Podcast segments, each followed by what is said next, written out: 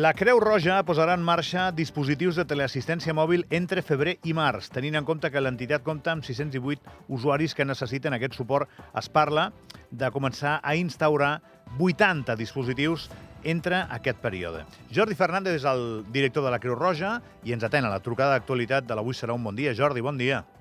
Molt bon dia, Gavi. Què tal? Molt bé, molt bé. Aquí preparant, doncs, efectivament, aquests dispositius, a veure si podem aconseguir-ho.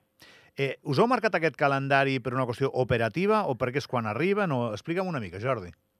Doncs, eh, de fet, aquests, eh, aquest tipus de dispositius ja són operatius a baix a, a Espanya i a Catalunya i eh, una mica per intentar doncs, que el, les persones d'aquí d'Andorra doncs, puguin gaudir de les mateixes prestacions que a baix, doncs una mica la idea ha estat poder fer arribar eh, tant la tecnologia com el servei doncs, eh, doncs aquí a Andorra.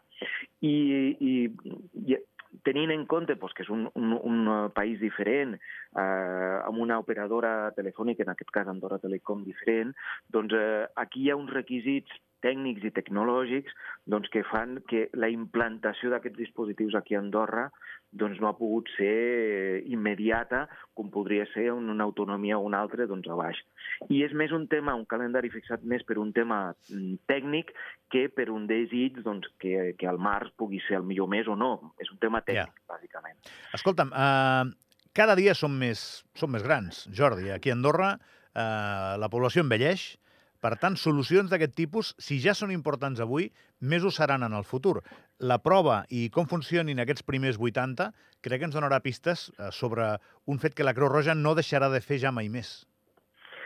Doncs sí, efectivament. Eh, mira, l'altre dia llegia el diari, vaig eh, veure la piràmide poblacional d'Andorra el 2023 i efectivament hi ha una, una tranxa de població doncs, que, que segurament a la qual formo part doncs, d'aquí uns anyets doncs, requerirem aquest tipus de dispositiu i altres eh, recursos de suport. I efectivament, com tu deies, els 618 usuaris de teleassistència domiciliària actuals ens fan veure doncs, que els dispositius tant seran necessaris a domicili, però sens dubte doncs, eh, a l'exterior també, tant per casos doncs, eh, de possibles caigudes com de geolocalitzadors per persones que en un moment donat puguin tenir eh, doncs, eh, episodis o inicis d'Alzheimer, per exemple. És a dir, aquest tipus de dispositiu, la tecnologia al final, en aquest cas, ens ha d'ajudar doncs, a tenir una qualitat de vida una mica millor. I a tranquil·litzar les famílies, i a més o menys mantenir un cert control sobre la vida de les persones que necessiten ajuda, no? Que quan ens fem més grans, el més normal és que n'anem necessitant. Jordi, per què no som una mica pedagògics, que a mi m'agrada molt en aquestes coses? Què fan aquests dispositius, exactament? Per què serveixen? Doncs mira, hi han diversos dispositius en aquest cas. És a dir, el dispositiu que, que parlàvem ara, eh, que geocalitza una persona, per exemple, aquests episodis o inicis d'Alzheimer en un moment donat, doncs fan que, que hi hagi una zona delimitada per la qual es puguin moure sense alertar doncs, les famílies, com tu ben deies, i que en un moment donat, si per doncs, una, una absència, diguéssim, de referències, doncs aquesta persona surt d'una zona delimitada, doncs automàticament envia una alarma al familiar perquè pugui en un moment donat identificar que el seu familiar doncs, no està en el lloc on hauria d'estar. Eh, aquest seria un dels dispositius. Un altre seria doncs avui en dia cada vegada ens trobem eh, més casos de que hi ha persones que a domicili doncs, no tenen un telèfon fixe.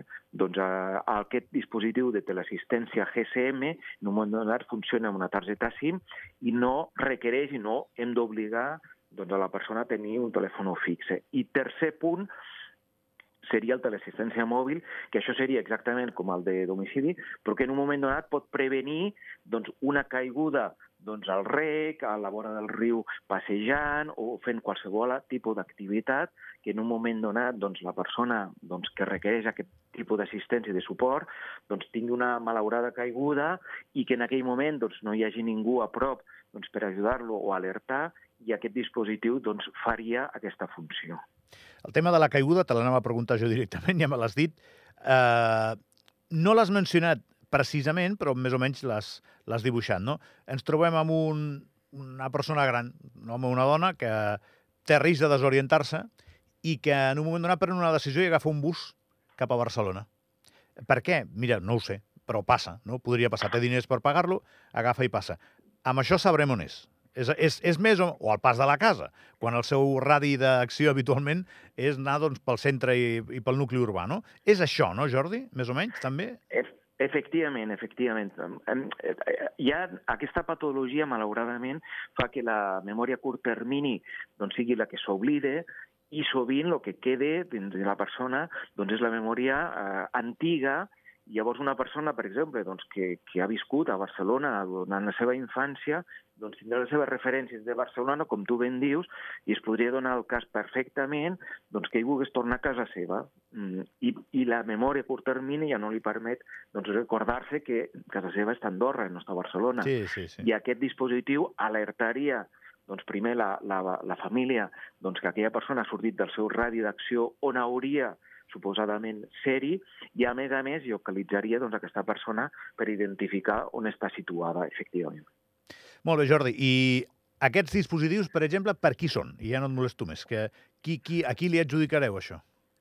Doncs, més que adjudicar-lo, eh, aquests dispositius estan a disposició de qualsevol ciutadà eh, en tenim la majoria d'usuaris, per exemple, actuals, que pensem que són els eh, potencialment també doncs, uh, usuaris d'aquests nous dispositius, la majoria de persones que tenim són eh, de 75 anys cap amunt. En tenim de menys, però en tenim també de menys de 65 anys. És a dir, qualsevol persona que en un moment donat tingui doncs, aquest, eh, aquest inici d'Alzheimer pot ser una persona més jove i, i que malauradament doncs, eh, el necessite, pot ser una persona doncs, eh, amb una eh, dificultat de mobilitat motriu que en un moment donat requereix doncs, un, un bastó, fins i tot qualsevol tipus de suport que en un moment donat per la seva tranquil·litat i sobretot per la seva família doncs, requereix aquest dispositiu.